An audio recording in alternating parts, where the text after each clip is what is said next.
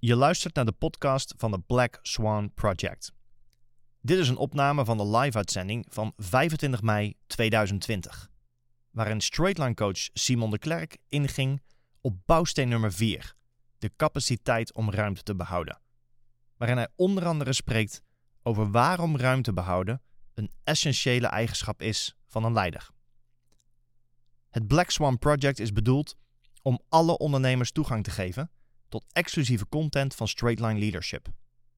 Zo ondersteunen we ondernemend Nederland en België in turbulente tijden met direct toepasbare tools.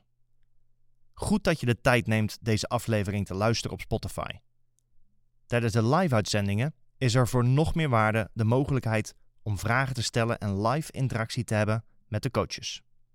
Bovendien publiceren we het tweede, bijzonder krachtige deel van de uitzendingen niet op Spotify. Meld je kosteloos aan via www.blackswanproject.eu. Een hele goede avond. Welkom bij het Black Swan Project, uitzending 24 alweer. Mijn naam is Simon de Klerk en ik ben Straightline Coach. En in deze sessie behandel ik met jullie bouwsteen nummer 4, zijnde de capaciteit om ruimte te behouden. En bij het woord ruimte denk ik direct aan fysieke ruimte. De ruimte als het gaat over bijvoorbeeld, als je denkt aan een woning, staat ruimte gelijk aan waarde, staat ruimte gelijk aan euro's. Een woning wordt gekeken kubieke meters, de inhoud. En hoe meer kubieke meters, hoe waardevoller, hoe meer euro's je moet aftikken om een woning te kopen. Niet alleen dat, je hebt ook te maken met waar ligt de woning?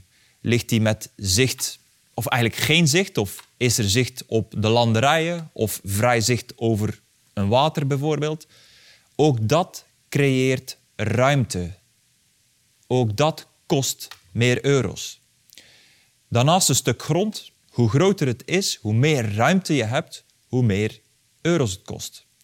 Ruimte staat dus gelijk aan waarde. Om uiteindelijk te creëren, oftewel iets nieuws te bouwen, zal er ook eerst ruimte moeten zijn. Dus stel, koopt een stuk grond en daar staat nog een oude woning op. Jij wil een nieuwe woning bouwen. Dan zul je eerst ruimte moeten creëren om van daaruit een nieuwe woning te bouwen. En als je gaat kijken naar die ruimte, dan is het net als hier op kantoor waar ik zit, ook daar is het een ruimte met veel ehm, hoge plafonds, met hier en daar een aantal bureaus. Dat is veel meer waardevol dan een kantoor waar alles op elkaar gepakt staat. Niet alleen is het meer waarde, maar het creëert ja, meer ruimte voor de mensen die hier werken. Het is een fijne omgeving, zouden ze ook wel zeggen. En het is ook een soort mentale ruimte dat het geeft. Dus dat is hetgeen waar ik het wil over hebben. Niet zozeer de fysieke ruimte, maar mentale ruimte. En als je gaat kijken, ik heb een aantal afleveringen terug, heb ik één van de drie basispijlers behandeld, zijnde de interne werelddialoog. En Mandy van der Put, onze CEO, die heeft de eerste bouwsteen onredelijk zijn behandeld. En voor diegenen die die uitzending ook gehoord hebben, is zij gestart met het gronden. Dus, dus een oefening om uiteindelijk ervoor te zorgen dat je uit je hoofd komt, aanwezig bent, gefocust, met andere woorden, ruimte creëert in je hoofd. Die ruimte creëert ervoor, uh, creëert dat je weer kunt luisteren, kunt horen wat er echt gezegd wordt, zodat je meer uit deze sessies kunt halen en in iedere andere omstandigheid. Dus ook daar is ruimte noodzakelijk om te creëren en te groeien. Nu, als ik dan ga kijken hoe ruimte er aan de buitenkant uitziet voor iemand, een buitenstaander, die dat observeert, zou kunnen zijn als kalmte en focus. Dus iemand in je omgeving die jij ongetwijfeld kent, die veel ruimte ervaart, zou iemand kunnen zijn waar jij van denkt, ja, wat er ook gebeurt, die man of die vrouw die lijkt altijd wel in control. hoe hoog de druk ook oploopt, welke omstandigheden er ook ontstaan, die persoon is altijd in control. Dat is eigenlijk iemand die veel ruimte heeft, zoals wij het zouden zeggen. Volwassen volwassenen, die zijn, dat zijn mensen met veel ruimte. Die kunnen ervaren. Die hebben de capaciteit om omstandigheden, gebeurtenissen te ervaren. Volwassen kinderen daarentegen zijn volwassen qua leeftijd, maar zijn eigenlijk een kind zoals ze zich opstellen, zijn vaak mensen die geen ruimte hebben. Die hebben geen ruimte om te observeren ofwel ook te incasseren. Die schieten direct in hun hoofd en gaan van daaruit vaak in een slachtofferpositie. Als je gaat kijken naar een leider die veel ruimte heeft, is iemand dat, dus zoals ik eigenlijk zei, ongeacht de omstandigheden, altijd in control is.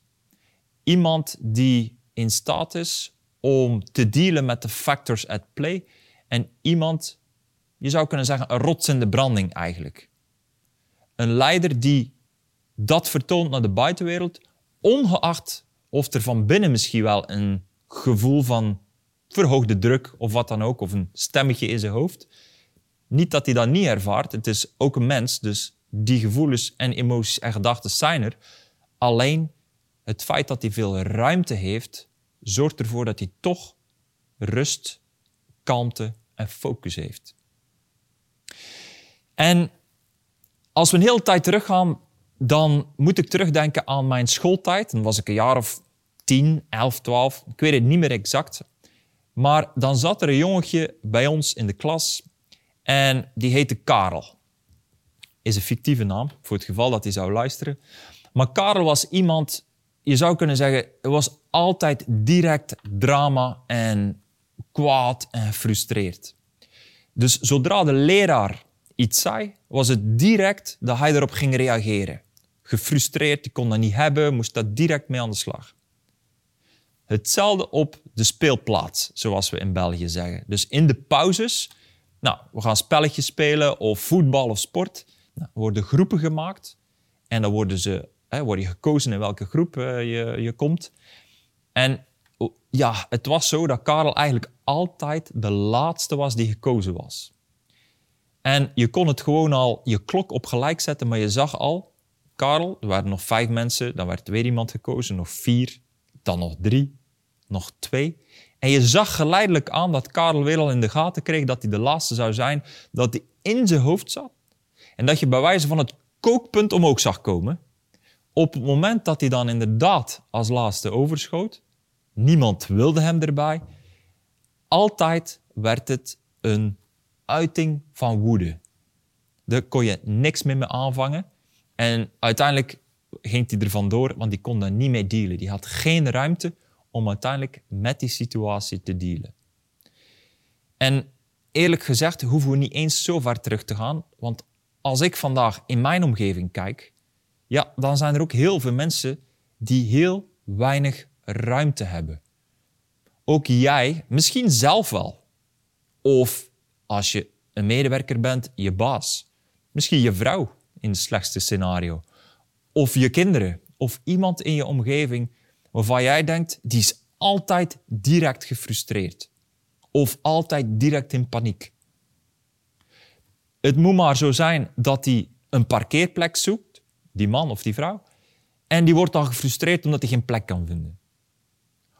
Of die gaat op restaurant, kan niet direct eh, bediend worden, want het is druk. Direct gefrustreerd omdat die ober niet instantaneous als de tafel staat. In het verkeer ook.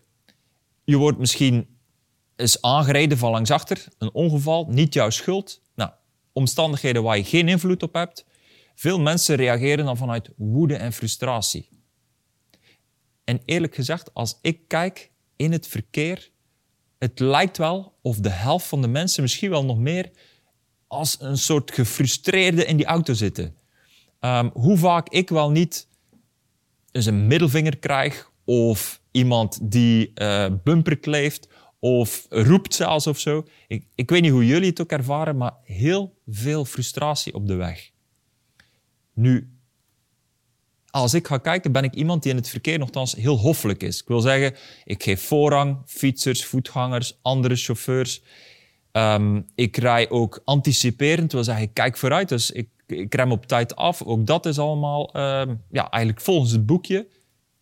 Moet zeggen, snelheid, dat is niet altijd uh, zoals het hoort. Moet zeggen, meestal niet zelfs. Dus dat is een puntje. Maar dat doet eigenlijk weinig voor de andere uh, medeweggebruikers, moet ik zeggen. En toch krijg je heel vaak van die uh, ja, gefrustreerde mensen die heel weinig ruimte hebben. Fietsen, ook zoiets. Ik ben triatleet, dus ik kom heel vaak op de weg met mijn racefiets. En terwijl ik aan het, uh, met de wielrenfiets aan het racen ben, ja, ik weet niet wat het is, maar het lijkt wel of de ene helft van de mensheid ook fietst en daar begrip voor heeft. En de andere helft van de mensheid gewoon fietsers haat of zo. Als ik op de weg beweeg, hoe vaak ik niet eens een middelvinger op krijg, of iemand die naar me roept, of dat kan een andere fietser zijn, maar ook een autogebruiker of wat dan ook. Ook daar zoveel mensen die leven met heel veel, lijkt wel opgekropte frustratie, die heel weinig ruimte ervaren. Eerlijk toegegeven, moet zeggen, in zo'n verkeerssituatie vroeger, als iemand een middelvinger opstak, dan zou het wel eens kunnen voorgevallen zijn dat ik een nog grotere middelvinger opstak. Ook ik had toen wel weinig ruimte op dat geval. Uh, ik moet zeggen, vandaag de dag, dan lach ik er eens mee en dan doet het me niks meer. En de grootste winnaar ben ik uiteindelijk zelf. Want meer mentale ruimte is voor mij een stuk meer levenskwaliteit geworden. Dus als we dan daar uh, doorpakken, zou je ook kunnen zeggen, die ruimte, ergens is er input, daar zit ruimte tussen, en dan is er output. Hoe dichter die op elkaar zitten, die input en die output, dan gaat iemand eigenlijk reageren versus antwoorden. Reageren is instinctief, ongecontroleerd, direct, vaak onbezonnen. Antwoorden daarentegen is beheerst, overwogen, met impact. Maar er zal ruimte moeten zijn, mentale ruimte, om te kunnen antwoorden. Heel veel mensen die moeten als het ware vanuit instinct direct ergens op reageren. Verdediging, aanval, um, dat kan er ook uitzien als um, ja, ook woede of frustratie. Dus die ruimte, je kent ook vast het trucje, tel tot tien voordat je reageert of antwoordt in dat geval. Het is niet voor niks dat dat bij sommige mensen nodig is om die ruimte te creëren. En dan gaat het eigenlijk over een soort fysieke ruimte. Ze hebben echt die tijd nodig om zichzelf te beheersen, te controleren, om te kunnen antwoorden. Maar iemand die krachtig is, die ruimte heeft, die kan gewoon nog altijd snel antwoorden, maar die komt beheerst en gecontroleerd. Een krachtig leider, dat is een vereiste dat die ruimte heeft. Dat kan niet anders. Als iemand direct altijd ergens bovenop zit, geen ruimte ervaart, dan is het onmogelijk om vanuit power een team te sturen. Dus ruimte is een essentiële eigenschap van een krachtig leider. En dat brengt mij bij het volgende verhaal. Dat is een cliënt die heb ik gecoacht en die zat in een lidmaatschap van ons genaamd de mentorship.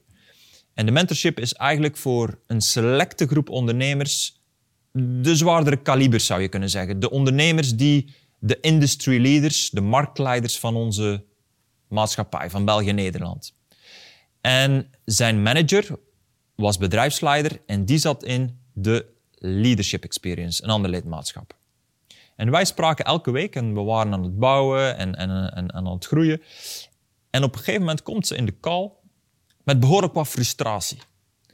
En wat ze vertelde was het volgende. Ze zegt, je, moet, wil niet weten hoe het er nu bij ons aan toe gaat. Ze zegt, je weet, we hebben echt mensen tekort. Op cruciale functies missen we een aantal goede kalibers. Maar het wordt steeds drukker. Er komt meer op ons bordje. Er gaat van alles fout.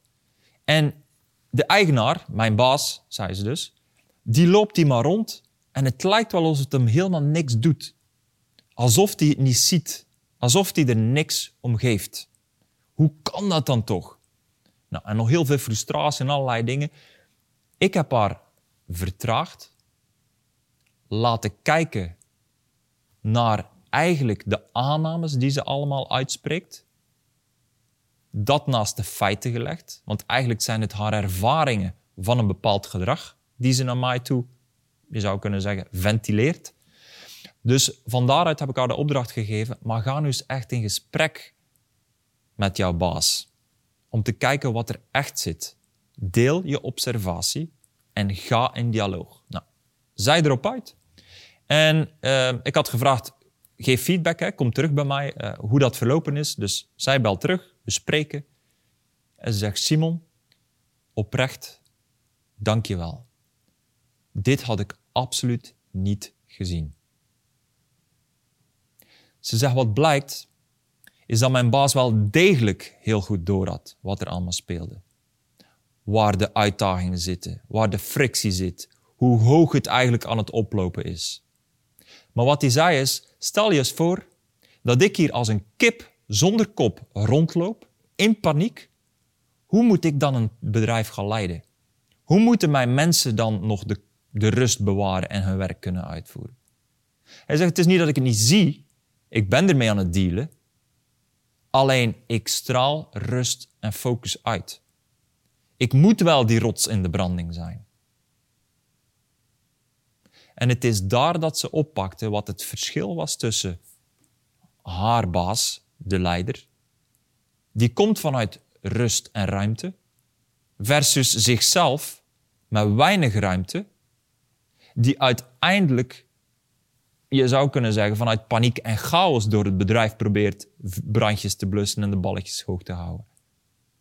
Een heel waardevol inzicht waar we vervolgens op gaan werken zijn om ook bij haar meer ruimte te gaan creëren. Om te kunnen dealen met situaties waar bepaalde druk hoger oploopt. Nu, dat gezegd zijnde, een, dat is een eigenschap, hè? dus een rots in de branding zijn dus kunnen dealen met verhoogde levels van stress en druk. En ongeacht die situatie toch vanuit focus en kalmte en overzicht kunnen komen. Een andere eigenschap van een krachtig leider is uiteindelijk de, het zijn van feedback tolerant. Iemand die komt vanuit rust en ruimte, die in staat is om die ruimte te behouden, is ook in staat om pushback, oftewel ook wel feedback, te incasseren, aan te horen en daar iets mee te doen. Een volwassen volwassene die, ja, die kikt op feedback. Die heeft behoefte aan feedback. Omdat dat uiteindelijk de enige manier is om te zien wat je misschien zelf niet ziet en stappen te kunnen maken en te groeien. Er is één uitspraak, heel kort, wellicht al gehoord, maar dat is feedback is the breakfast of champions. En het is niet voor niks dat dat gezegd wordt. Uiteindelijk iemand die veel ruimte heeft, die is ook altijd op zoek naar feedback om te kunnen groeien. In een team ziet het er als volgt uit dat de mensen zowel feedback kunnen geven, ook bereid zijn om feedback te geven, want iedereen wil feedback geven vanuit bepaalde angsten Denk aan de interne werelddialoog waar we het eerder over gehad hebben. En anderzijds ook feedback kunnen tolereren, incasseren, ontvangen. Alleen dan kun je als team daadwerkelijk groeien.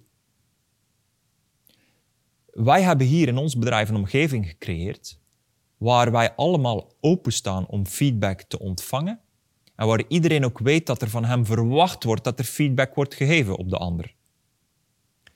Dat is een omgeving van volwassen volwassenen, mensen met ruimte. Maar zit je in een omgeving met volwassen kinderen waar geen ruimte is, dan is feedback gelijk aan kritiek. En als feedback gelijk is aan kritiek, dan heb je een hele kleine, zwakke organisatie en persoonlijkheid. Dus met andere woorden, leiders met ruimte zijn in staat om feedback te krijgen en te geven. Nu, één ding wil ik meegeven. Ga nu niet erop uit van ik heb gehoord van Simon dat een krachtig leider met ruimte heel veel feedback geeft en morgen in je bedrijf of vanavond nog bij je vrouw allerlei feedback brutaal eerlijk op tafel gooien. Ik denk dat we dan een kleine oorlog gaan ontketenen.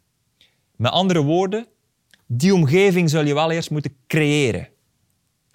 Dus je mensen daarin meenemen, uitleggen, context schetsen over feedback geven, tolereren, trainen daarin, zal cruciaal zijn om ervoor te zorgen dat het ook niet als kritiek gezien wordt en dat iemand in de defense gaat. Dus dat even als kanttekening om te voorkomen dat die feedback koud op iemand zijn bord gegeven wordt, waar die misschien helemaal niet op zit te wachten. Of als jij op restaurant gaat of in een andere omgeving ineens feedback geeft waar eigenlijk niet over gevraagd wordt, eh, naar gevraagd wordt, met andere woorden, ongevraagde feedback, dat gaat redelijk uh, contraproductief werken, zou ik zeggen. Nu, um, corona, de crisis. Factoren die uiteindelijk waar je invloed op hebt en geen invloed op hebt. De afgelopen tijd is voor iedereen een situatie geweest waar heel duidelijk is geweest welke mensen uiteindelijk ruimte hebben en die weten te bewaren onder druk. En wie dat juist niet heeft. In business is het zo dat uiteindelijk, hoe slecht het ook gaat met je bedrijf, of hoe goed, hoeveel druk er ontstaan is vanuit groei, dat doet er uiteindelijk niet toe, want dat is iets wat losstaat van het hebben van ruimte. Maar er zijn ook heel veel mensen in een persoonlijke omgeving die nu vanuit paniek eigenlijk met corona dealen. Die ook weinig ruimte hebben. Ik wil niet zeggen dat je niet met je gezond verstand in de wereld moet bewegen en bepaalde voorzorgsmaatregelen nemen. Maar gaat het overboord en heb je dus weinig ruimte, dan ga je al snel overboord. Dan leef je een heel klein, beperkt leven vanuit paniek. Paniek over factoren waar je geen invloed op hebt. Angst. En misschien leef je dan maar de vraag is, leef je dan echt? Dus er is een balans tussen gezond verstand en ook ruimte hebben om te leven en die te houden, die ruimte, onder druk. Onder omstandigheden ja, waar je geen grip op hebt. Een black swan event, zou je ook wel kunnen zeggen. Een event met grote impact, zoals jullie al weten, waar je uiteindelijk geen invloed op hebt maar met grote consequenties. Wat uiteindelijk vergt van een ondernemer dat hij in staat is om snel te schakelen, vandaag beslissen en morgen er kunnen op terugkomen omdat de omstandigheden veranderen. Iedereen heeft daarmee te dealen gehad in de afgelopen twee maanden. Iemand met meer ruimte zal ook in staat zijn om daar vanuit power mee te dealen met een Black Swan event. En dat brengt mij bij een verhaal van een ondernemer die een e-mail heeft gestuurd, heel recent nog. Ik zeg het verkeerd.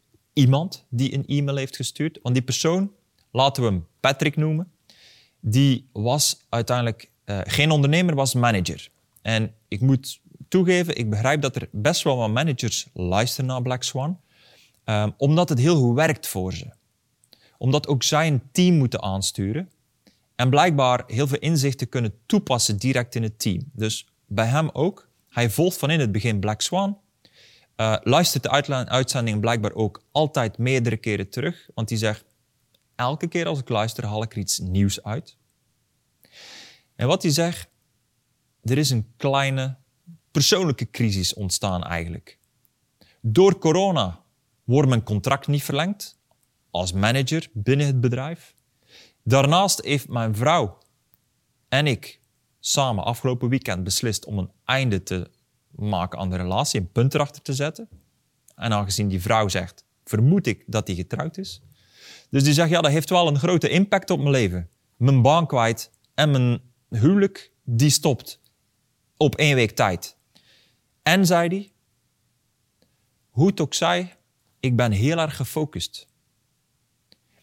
Ik heb heel helder wat mijn doel is.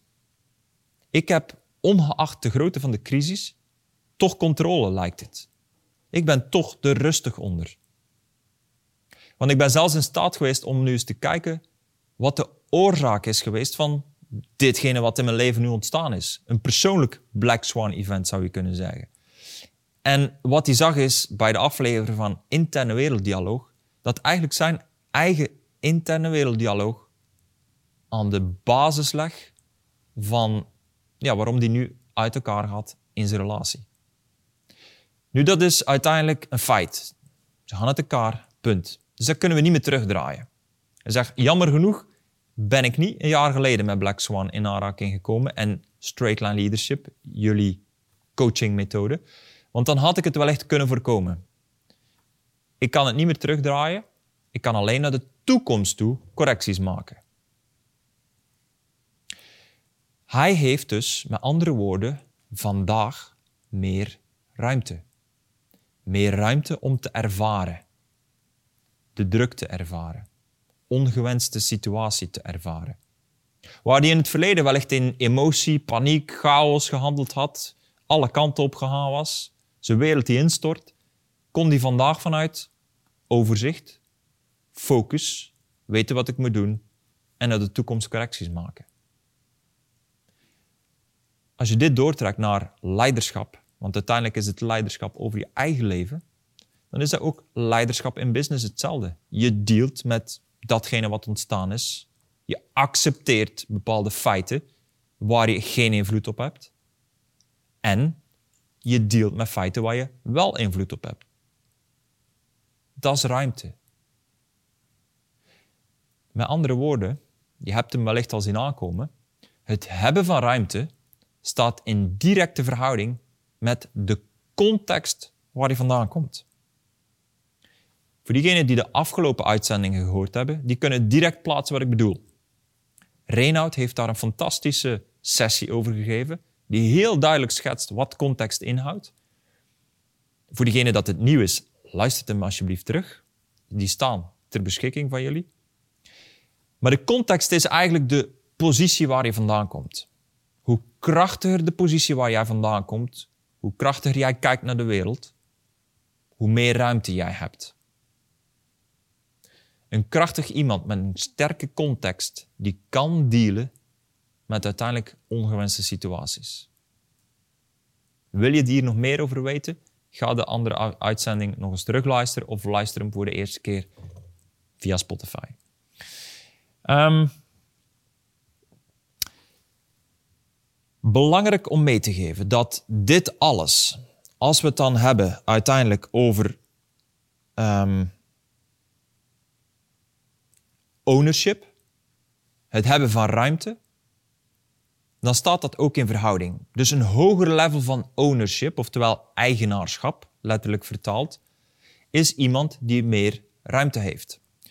Dus er zijn factoren, zoals ik zei, buiten onszelf. Er zijn factoren waar we geen invloed op hebben. En dat is er zo, dat is een feit.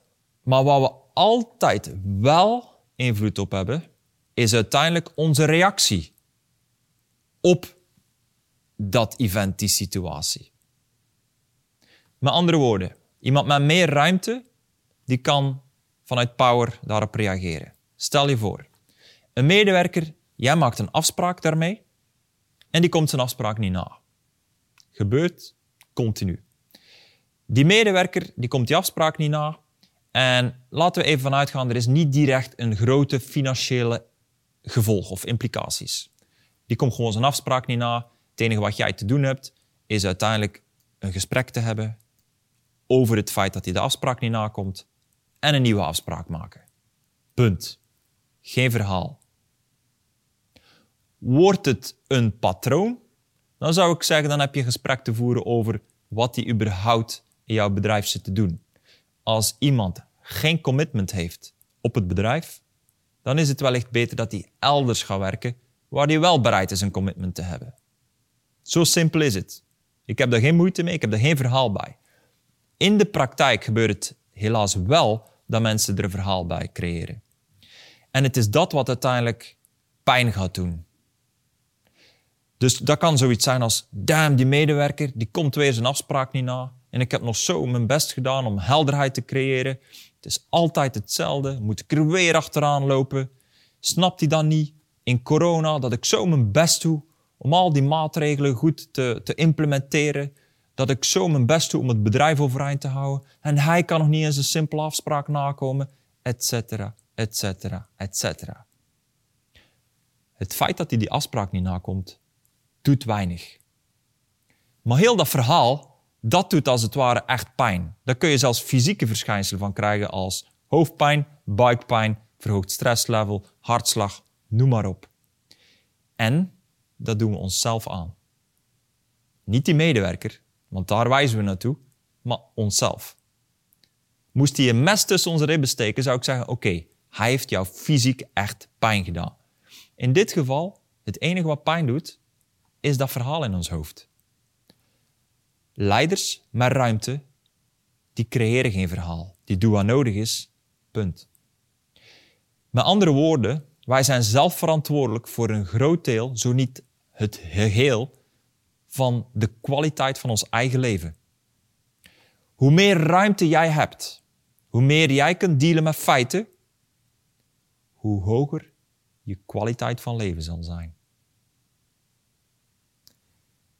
Zijn er punten waar jij ziet, hier heb ik zelf te lijden onder? Dat vind ik, dat heeft een impact op hoe ik door de wereld beweeg en wat er allemaal gebeurt. Ga dan eens kijken wat het verhaal is. Creëer meer ruimte. Deal met feiten. En kan je zeggen dat je direct in staat bent om een hogere levenskwaliteit te creëren. Zowel in persoonlijk gebied als op het gebied van uh, business. Dat brengt mij bij de afsluiting. Tenminste, van dit stuk. En dat is de opdracht die ik wil meegeven. Een uitnodiging om het te doen. Je zult zelf moeten beslissen of je hem doet. Maar de mensen die het werk doen, creëren resultaat. Dus mijn verzoek is om straks na de meeting nog even te blijven zitten. Vijf minuten, tien minuten, een kwartier te nemen om de opdracht voor jezelf uit te voeren. De vraag luidt als volgt. In welke situatie verlies jij kalmte? Wanneer ervaar je geen ruimte? Dus nogmaals, in welke situaties eventueel verlies jij je kalmte, je rust? En wanneer ervaar je dus geen ruimte? Ga daar eens voor zitten, maak dat eens inzichtelijk en ga eens kijken waar je invloed op hebt om meer ruimte te creëren en dus een hogere levenskwaliteit te creëren. Eén ding wat ik nog wil meegeven, waar ik moet net aan denken, is het feit dat je daar meer over kunt lezen in een artikel ook op thrive.eu over Geneviève Govare. En Geneviève is een lid in de Leadership Experience die al lang bij ons zit. Uit het West-Vlaamse heeft drie fantastisch mooie, luxe um, schoenenwinkels. Ik ging zeggen kledingwinkels, maar schoenenwinkels. En de titel van het artikel op Thrive is Zij nemen initiatief en ik geef ze het vertrouwen. Ze heeft het namelijk over relativeringsvermogen, wat dus in verhouding staat met ruimte creëren. En ook um, waar ze eigenlijk accepteert dat medewerkers fouten maken, blijft vertrouwen geven. Dus door ruimte te hebben kan ze dat creëren. Waardoor dat ze nu een team heeft die met hart en ziel voor het bedrijf staan. Eén voor één, al de medewerkers. Maar dat heeft ze zelf gecreëerd. Door van, vanuit ruimte te komen, vertrouwen te geven, accepteren dat ze fouten maken, maar blijven vertrouwen geven, zorgt ervoor dat er ook bij de ander meer ruimte gecreëerd wordt en dat er een commitment voor het bedrijf staat. Het artikel staat op thrive.eu. Ga het lezen als je er meer over wil weten, als het je boeit. Um, absoluut de moeite waard om het eens door te nemen. Daarmee komen we aan het einde van podcast-uitzending 24 van Black Swan Project.